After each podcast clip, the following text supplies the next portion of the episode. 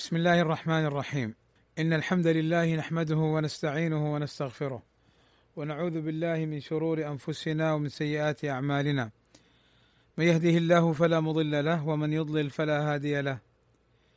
وأشهد أن لا إله إلا الله وحده لا شريك له. وأشهد أن محمدا عبده ورسوله. ألا وإن أصدق الكلام كلام الله وخير الهدى هدى محمد. وشر الأمور محدثاتها وكل محدثة بدعة وكل بدعة ضلالة وكل ضلالة في النار. أما بعد فقد توقفنا عند قول ابن آج الروم رحمه الله تعالى في جوازم المضارع حيث قال والجوازم ثمانية عشر وهي لم ولما وألم. وألما ولام الأمر والدعاء ولا في النهي والدعاء وإن وما ومهما وإذما وأي ومتى وأين وأيان وأن وحيثما وكيفما وإذا في الشعر خاصة. هذه الجوازم التي ذكرها ابن آج الروم رحمه الله تعالى تجزم الفعل المضارع فإن كان الفعل المضارع آخره حرف صحيح فإن علامة جزمه السكون كلم يذهب. وإن كان الفعل المضارع آخره حرف علة فإن علامة جزمه حذف حرف العلة كلم يسعى ولم يدعو ولم يرمي. وإن كان الفعل المضارع من الأفعال الخمسة فإنه يجزم بحذف النون. هذه الأدوات التي ذكرها ابن آج الروم رحمه الله تعالى تنقسم إلى قسمين. القسم الأول أدوات تجزم فعلا واحدا والقسم الثاني أدوات تجزم فعلين كما سيأتي إن شاء الله. أما القسم الأول الذي يجزم فعلا واحدا فهي لم ولما وألم وألما ولام الأمر والدعاء ولا في النهي والدعاء. وهذه كلها حروف لأن أدوات الجزم سيأتي إن شاء الله أنها تنقسم إلى قسمين. حرف واسم. فهنا لم ولما وألم وألما ولام الأمر والدعاء ولا في النهي والدعاء هذه كلها حروف عند النحاة باتفاق. أما لم فمر معنا أنه حرف نفي وجزم وقلب. نحو قوله تعالى لم يكن الذين كفروا من أهل الكتاب. وقلنا معنى نفي أنها تنفي وقوع الفعل ومعنى جزم أنها تجزمه ومعنى قلب أي تقلب معناه إلى الماضي لأن المضارع إما في الحال أو الاستقبال. يكتب زيد إما الآن أو في الاستقبال. ولكن لما يقال لم يكتب زيد أي فيما مضى فهذا معنى القلب أي قلب المعنى من الحال والاستقبال إلى الماضي. لم يكن الذين كفروا لم يذهب زيد إلى المدرسة. لم حرف نفي وقلب لم حرف نفي وقلب وجزم. يذهب فعل مضارع مجزوم بلم وعلامة جزمه السكون لأنه صحيح الآخر. زيد فاعل مرفوع علامة رفعه الضمة لأنه اسم مفرد. إلى حرف جر والمدرسة اسم مجرور وعلامة جره الكسرة. لما هي بمعنى لم. لأنها تأتي للنفي والجزم والقلب. كقوله تعالى لما يذوقوا عذاب. كقولك لما يدخل زيد. فلما حرف نفي وقلب وجزم. ويدخل فعل مضارع مجزوم بلم وعلامة جزمه السكون. لأنه صحيح الآخر. وزيد فاعل. مرفوع وعلامة رفعه الضمة. لأنه اسم مفرد.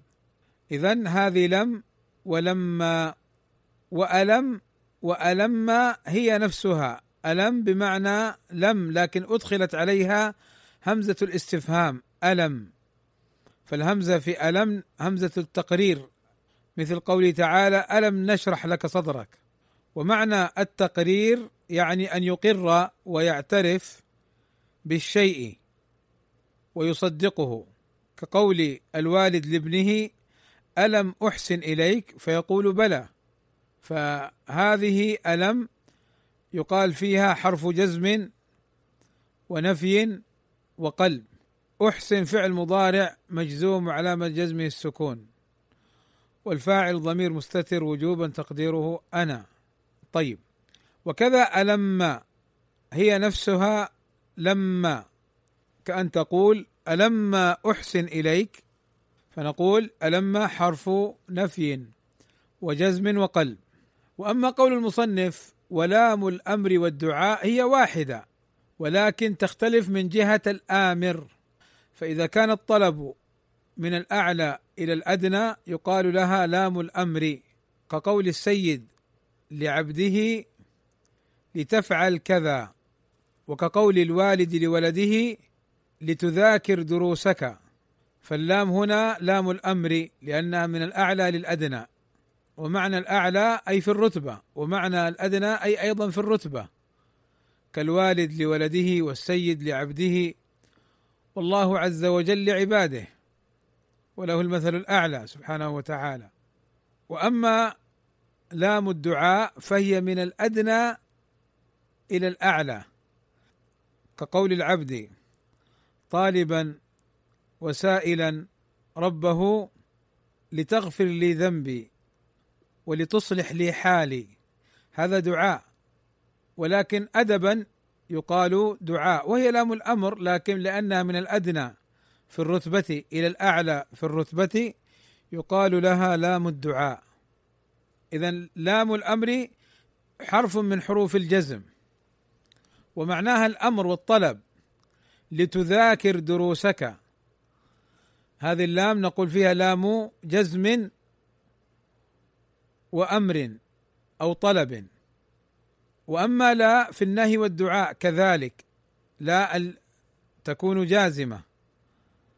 في النهي من الأعلى للأدنى كقول الوالد لولده لا تلعب بالكرة. والدعاء كقول الولد لأبيه مثلا لا تضربني. لا تنس كذا. فهذه لام حرف جزم ونهي.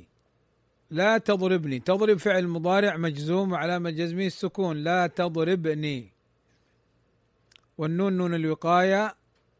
والفاعل ضمير مستتر وجوبا تقديره أنت. وتضربني الياء ضمير متصل في محل نصب مفعول به. فهذه التي تجزم فعلا واحدا. وأما التي تجزم فعلين يسمى الأول فعل الشرط ويسمى الثاني جواب الشرط وجزاؤه. على سبيل المثال إن تقم أقم فنقول إن حرف جزم وشرط وتقم فعل مضارع فعل الشرط.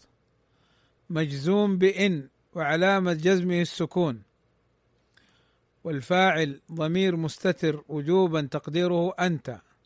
أقم فعل مضارع. جواب الشرط مجزوم وعلامة جزمه السكون. والفاعل ضمير مستتر وجوبا تقديره أنا. فهنا نلحظ أن إن جزمت فعلين. يقال للأول منهما فعل الشرط ويقال للثاني منهما جواب وجزاء الشرط. والأدوات التي تجزم فعلين هي بقية الأدوات وهي إن وما ومهما وإذما وأي ومتى وأين وايان وأن وحيثما وكيفما وإذا في الشعر خاصة. وهذه الأدوات البقية تنقسم عندهم إلى أربعة أنواع. النوع الأول حرف باتفاق والنوع الثاني اسم باتفاق والنوع الثالث حرف على الأصح في خلاف ولكن هل هو حرف ولا اسم؟ ولكن الأصح أنه حرف. والنوع الرابع اسم على الأصح أيضا فيها خلاف هل هو اسم أو حرف؟ والأصح أنه اسم. فالنوع الأول وهو حرف باتفاق إن وحدها. والنوع الذي هو مختلف في أنه اسم أو حرف وهو حرف على الأصح إذ ما. والنوع الذي هو مختلف فيه اسم أو حرف وهو الأصح أنه اسم فهو مهما. والبقية أسماء متفق عليها. وهي ماذا؟ وهي من وما. وأي ومتى وأيان وأين وأن وحيثما وكيفما. فهذه أسماء أسماء شرط متفق عليها عند النحاة. تنبيه. قد يقول قائل أو يأتي سؤال لماذا يفرق العلماء بين أدوات الشرط ونحوها في كونها اسما أو حرفا؟ فنقول فرقوا بينهما لفائدة وهي أن الحروف لا محل لها من الإعراب وأما الأسماء فإنها تطلب محلا من الإعراب. كما سأذكر مثالا إن شاء الله على ذلك. فلذلك التفرقة بين الإسمية والحرفية للأدوات لها فائدة مهمة عند النحاة. فاذا الحروف التي هي أسماء أو الأدوات التي هي باتفاق على حرفيتها هي إن كما سبق معنا. وإن حرف جزم وشرط. إن تقم أقم كما مر معنا. وأما النوع الثاني وهو الاسم بالاتفاق فتسعة أسماء. وهي من وما وأي ومتى وأيان وأين وأن وحيثما وكيفما. فمن مثل قولك؟ من يذاكر دروسه ينجح. فمن حرف شرط وجزم. ويذاكر فعل مضارع مجزوم بمن؟ فعل الشرط. وعلامة جزمه السكون والفاعل ضمير مستتر جوازا تقديره هو ودروسه مفعول به منصوب علامة نصبه الفتحة وهو مضاف والهاء. في قوله دروسه ضمير متصل في محل جر بالإضافة من يذاكر دروسه ينجح فينجح فعل مضارع جواب الشرط وجزاؤه مجزوم وعلامة جزمه السكون. والفاعل ضمير مستتر جوازا تقديره هو. نلحظ هنا من يذاكر دروسه ينجح. إيش إعراب من؟ من هنا تكون مبتدأ. فنقول من؟ اسم شرط مبني في محل رفع مبتدأ. أين الخبر؟ ما بعده. فهذه فائدة معرفة الأسماء من الحروف من أدوات الجزم. وأما ما ففي مثل قوله تعالى وما تنفقوا من خير يوفى إليكم فما اسم شرط جازم مبني فما اسم شرط مبني يفيد الشرطية ويفيد الجزم وما تنفقوا من خير يوفى إليكم تنفقوا فعل مضارع مجزوم فعل مضارع فعل الشرط. مجزوم بما وعلامة جزمه حذف النون. لماذا؟ لأنه من الأفعال الخمسة. والواو ضمير مبني متصل في محل رفع فاعل. من خير جار ومجرور. يوفى إليكم يوفى فعل مضارع. جواب الشرط وجزاؤه مجزوم وعلامة جزمه حذف حرف العلة. لأنه أصله يوفى. لماذا حذف حرف العلة؟ لأنه مجزوم. والفعل المضارع المعتل الآخر إذا كان مجزوما فإن جزمه بحذف حرف العلة. ومثال أي كقولك أي كتاب تقرأ تستفد منه. فأي اسم شرط جازم مبني وهو مضاف وما بعده مضاف إليه. أي كتاب تقرأ فعل مضارع فعل الشرط مجزوم بأي وعلامة جزمه السكون والفاعل ضمير مستتر وجوبا تقديره أنت. تستفد فعل مضارع جواب الشرط وجزاؤه مجزوم وعلامة جزمه السكون والفاعل ضمير مستتر وجوبا تقديره أنت. منه من حرف جر والهاء ضمير مبني متصل في محل جر بحرف الجر. أي كتاب تقرأ. إيش إعراب أي؟ أي نقول اسم شرط مبني في محل نصب مفعول به لتقرأ. ومثال متى؟ كقولنا متى تأتني أكرمك؟ فمتى نقول اسم شرط جازم مبني؟ وتأتني تأتي فعل مضارع مجزوم وعلامة جزمه حذف حرف العلة لأنه أصله تأتي تأتني والنون للوقاية والياء ضمير متصل في محل نصب مفعول به والفاعل ضمير مستتر وجوبا تقديره أنت. أكرمك أكرمك فعل مضارع جواب الشرط وجزاؤه. مجزوم وعلامة جزمه السكون. والفاعل ضمير مستتر وجوبا تقديره أكرمك أنا. وأكرمك الكاف ضمير متصل في محل نصب مفعول به. وكذا أيانا اسم شرط جازم. كقولك أيان تلقني أكرمك كما سبق.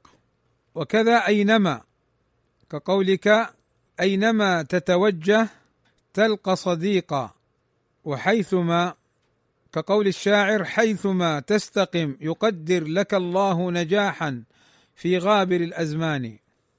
فهنا نلحظ أنها اسم شرط وجزم.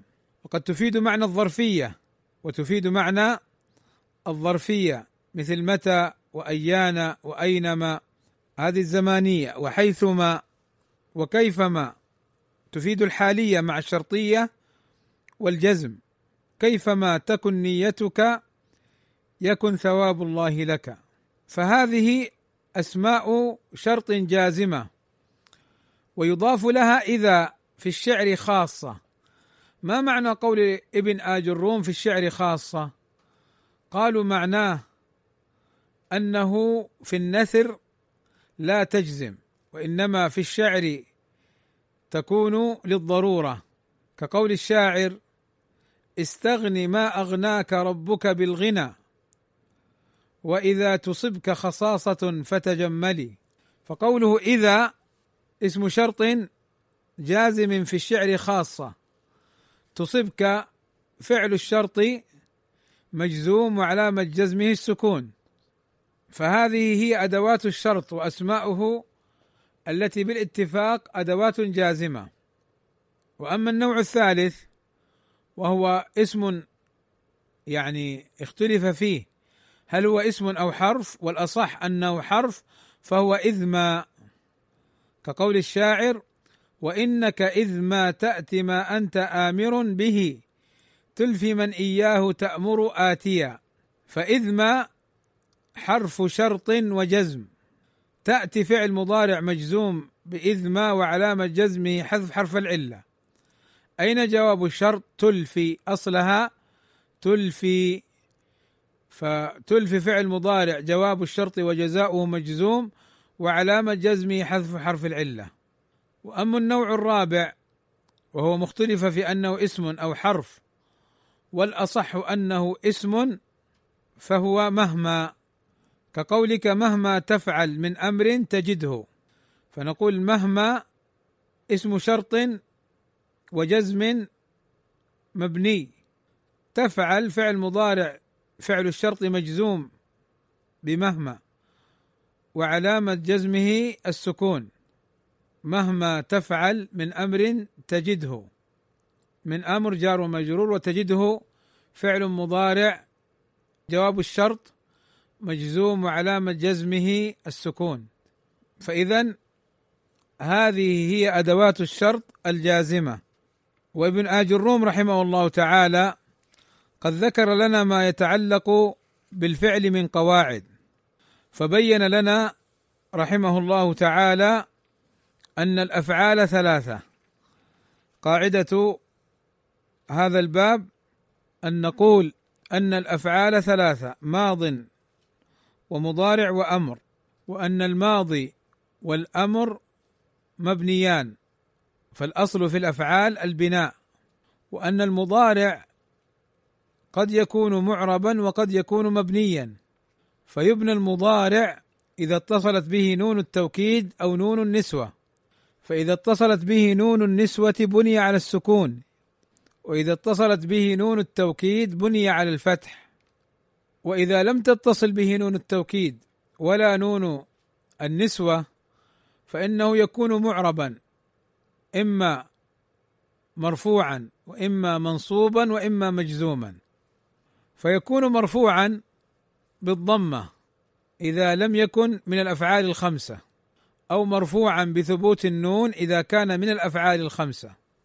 ويكون منصوبا بالفتحة إذا لم يكن من الأفعال الخمسة. ويكون منصوبا بحذف النون إذا كان من الأفعال الخمسة. ويكون مجزوما بالسكون إذا كان صحيح الآخر. ويكون مجزوما بحذف حرف العلة إذا كان معتل الآخر. ويكون مجزوما بحذف النون إذا كان من الأفعال الخمسة. وللفعل المضارع نواصب أدوات تنصبه وللفعل المضارع أدوات تجزمه. فهذه خلاصة هذا الباب الذي ذكره ابن آج الروم رحمه الله تعالى.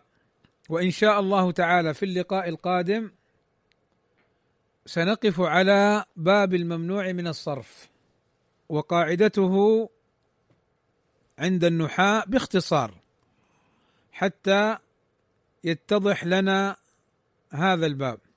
وقبل أن أنهي هذا اللقاء أحببت أن أنبه على أمور. الأمر الأول المرجو من جميع الإخوة والأخوات المشرفين والمشرفات والدارسين والدارسات أن يبتعدوا عن الجدال وعن المخاصمة فإن النبي صلى الله عليه وسلم يقول ولبيت في ربض الجنة لمن ترك الجدال ولو كان محقا فنصيحتي لنفسي ولإخواني وأخواتي عموما وطلابي وطالباتي ومشرفي ومشرفات المعهد خصوصا نصيحتي البعد عن الجدال. فإن الجدال بغير الطرق المشروعة والسبل المعروفة فيه مفاسد كثيرة منها ضياع الوقت ومنها الصرف عن التعلم وما هو أيضا الانصراف عما هو خير للإنسان. وأيضا قد يلحقه شيء من حظوظ النفس ونزغات الشيطان. وأيضا الجدال يورث البغضاء والشحناء بين أهله وهو سبيل لفساد ذات البين. والحقيقة أنه قد يوجد بعض الناس يثير مثل هذه الأمور فالمرجو من الجميع تركها. والاشتغال بما ينفع الإنسان. احرص على ما ينفعك كما قال النبي صلى الله عليه وسلم.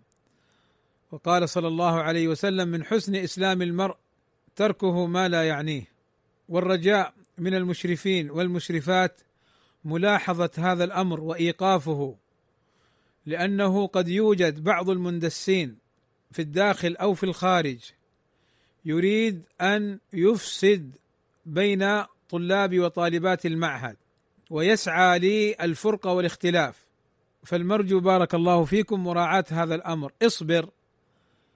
ليس مهما أن ترد على كل أحد وأن تسكت كل متكلم. فالصبر له أجر عند الله عز وجل وعاقبته حميدة. والظالم الباغي تدور عليه الدوائر. وأنا أذكر نفسي وأذكر إخواني بأمر مهم. وهو أن بعض الناس يظن أنه لا بد أن يتكلم ولا بد أن يجادل وكذا وكذا. لا اتركه لله عز وجل.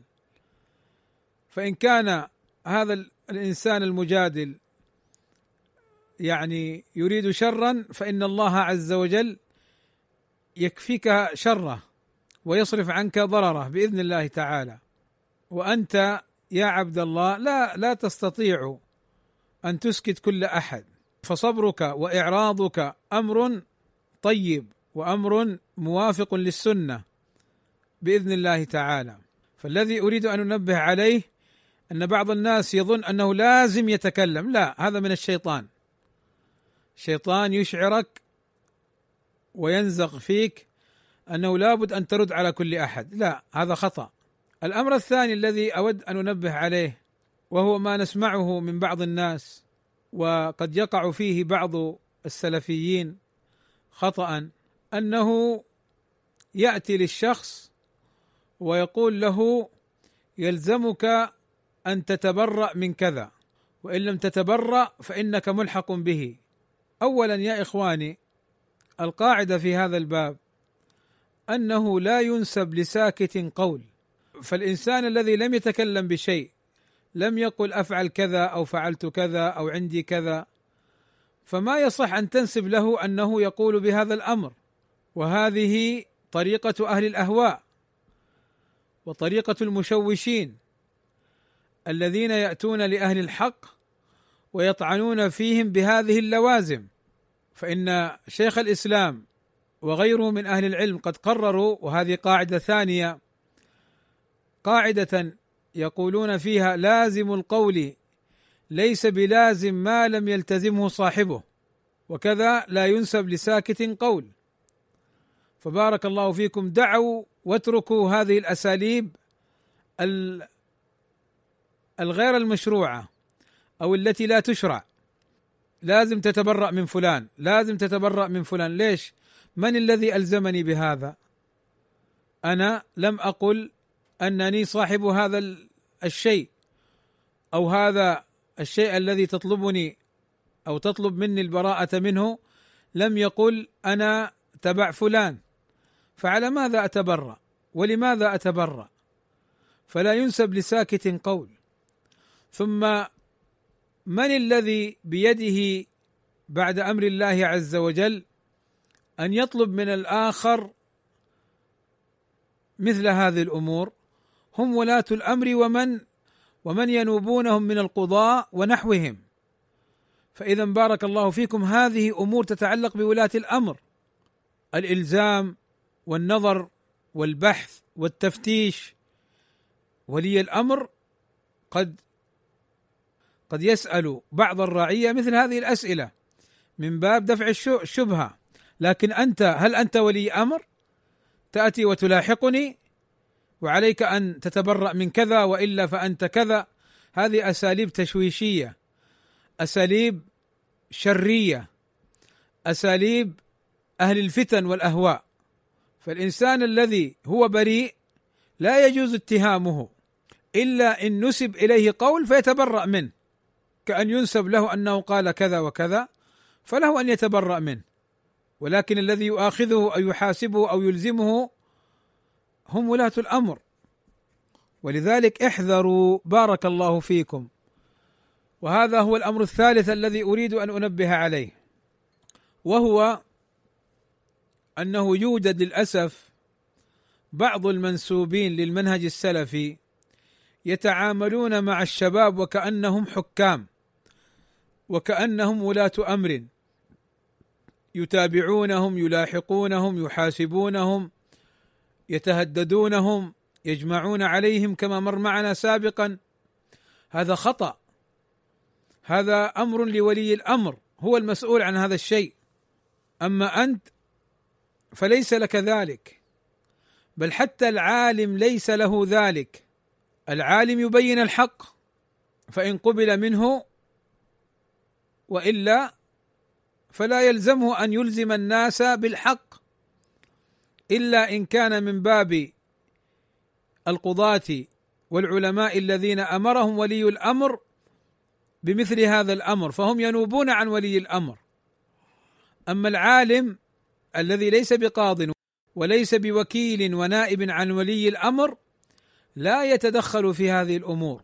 ولذلك هذا خطأ سرى وتفشى عند بعض المنتسبين للمنهج السلفي حتى وللأسف عند بعض العلماء.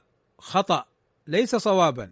أرأيت إلى قول النبي صلى الله عليه وسلم في إنكار العالم على ولي الأمر كيف يكون؟ قال صلى الله عليه وسلم: من أراد أن ينصح لذي سلطان فلا ينكر عليه علانية. يعني لا ينكر عليه أمام الناس.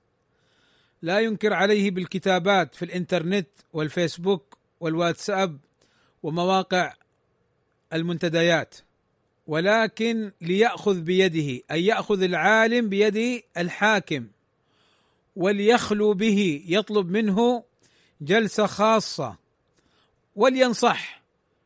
يعني فليبين له الحق بالكتاب والسنة وما كان عليه سلف الأمة. فإن قبل منه أي فإن أخذ عنه الحاكم ونفذ ما طلب منه العالم فذاك يعني ذاك الخير. وإلا يعني وإن لم يقبل الحاكم قول العالم فيكون العالم قد أدى الذي عليه. ليس للعالم سلطة على الحاكم. ليس للعالم سلطة على الحاكم. فإذا ما سمع الحاكم كلام العالم على العالم أن يسكت وأن يصبر. ولا ينزعن يدا من طاعة ولا يخرج يقول نصحت ونصحت ولم يستجيبوا هذا خطأ. هذا من التشهير بولاة الأمر كما قاله الشيخ العلامة ابن عثيمين رحمه الله تعالى وغيره. فإذا العالم ليس له سلطة على الحاكم. العالم من رعية الحاكم. ولذلك ما قد نسمعه أو نراه من تنزيل بعض الشباب للعلماء أو بعض العلماء تنزيلهم أنفسهم. منزلة الحاكم هذا خطأ. ولو قال به فلان أو فلان هذا خطأ.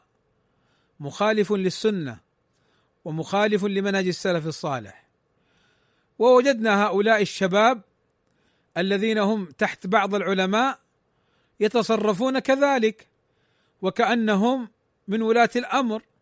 فيأمرون ويتهددون ويحذرون من السلفيين لأنهم لا يسمعون كلامهم إلى إلى آخره. فلا شك أن هذا مزلق خطير. وكذلك من هذا من هذا الباب ومن الأدلة الواضحات على هذا الباب المجالس السرية التي يجتمع فيها بعضهم لإصدار فتاوى تتعلق بالدماء وتتعلق بحمل السلاح وفتاوى تتعلق بأمر العامة دون الرجوع لولي الأمر من الحكام. العالم لا دخل له في هذه الأبواب. إن كان عنده كلام العالم في هذا الباب يبلغه لولاة الأمر وولاة الأمر هم ينظرون. ويذكر عن مفتي عام المملكة الشيخ عبد العزيز آل الشيخ حفظه الله تعالى أنه جاءه بعض الشباب من بعض البلاد يستفتونه في أمر القتال والسلاح. فقال لهم هو مفتي عام المملكة. فقال لهم وتأملوا إلى جوابه هذا الأمر ليس لي يعني لم يخولني ولي الأمر النظر في هذه الأمور. ولكن على المسؤولين عندكم في تلك البلاد أن يراسلوا المسؤولين عندنا في هذه البلاد يعني إلى ولاة أمرنا. وولاة أمرنا يحولون المسألة والقضية إلينا يعني هيئة كبار العلماء. ونحن ننظر فيها ثم نرجعها لولاة أمرنا. وولاة أمرنا يخاطبون ولاة الأمر في بلدكم. هذا هو التسلسل الصحيح المنهجي الذي لا فوضى فيه ولا تدخل فيه في أمور المسلمين في الداخل أو الخارج. فأمر الجهاد وأمر القتال وأمر السلاح وأمر العامة ليس لاحاد الرعية ولو كانوا علماء. ولو كانوا أئمة وجبالا في العلم ليس هذا لهم. إنما هو للحكام. هذه هي السنة التي تدل عليها نصوص الكتاب والسنة.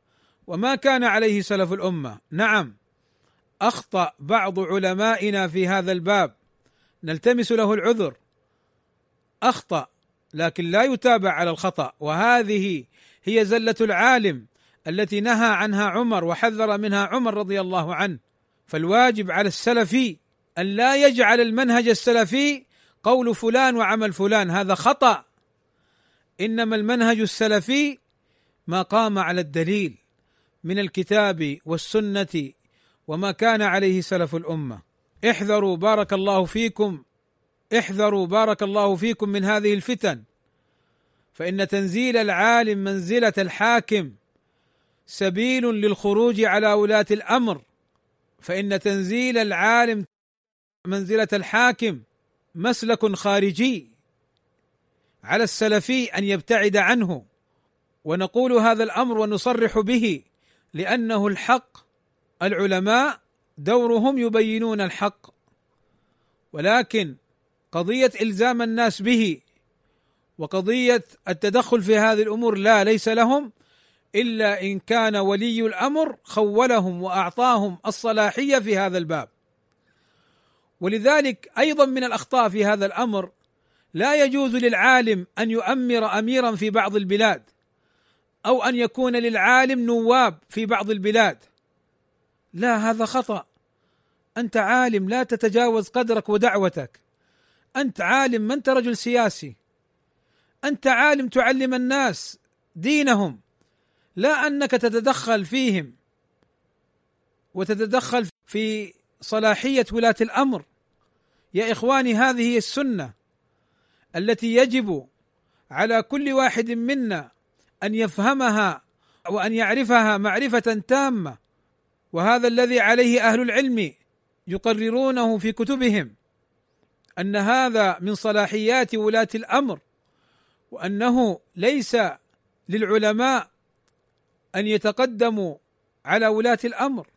أما أن أن يقال بأن العالم فوق الحاكم وأن العالم يأمر الحاكم و والى آخره نعم هو يبين له لكن ليس له عليه سلطة. فإن قبل وإلا كان أدى الذي عليه. فبارك الله فيكم.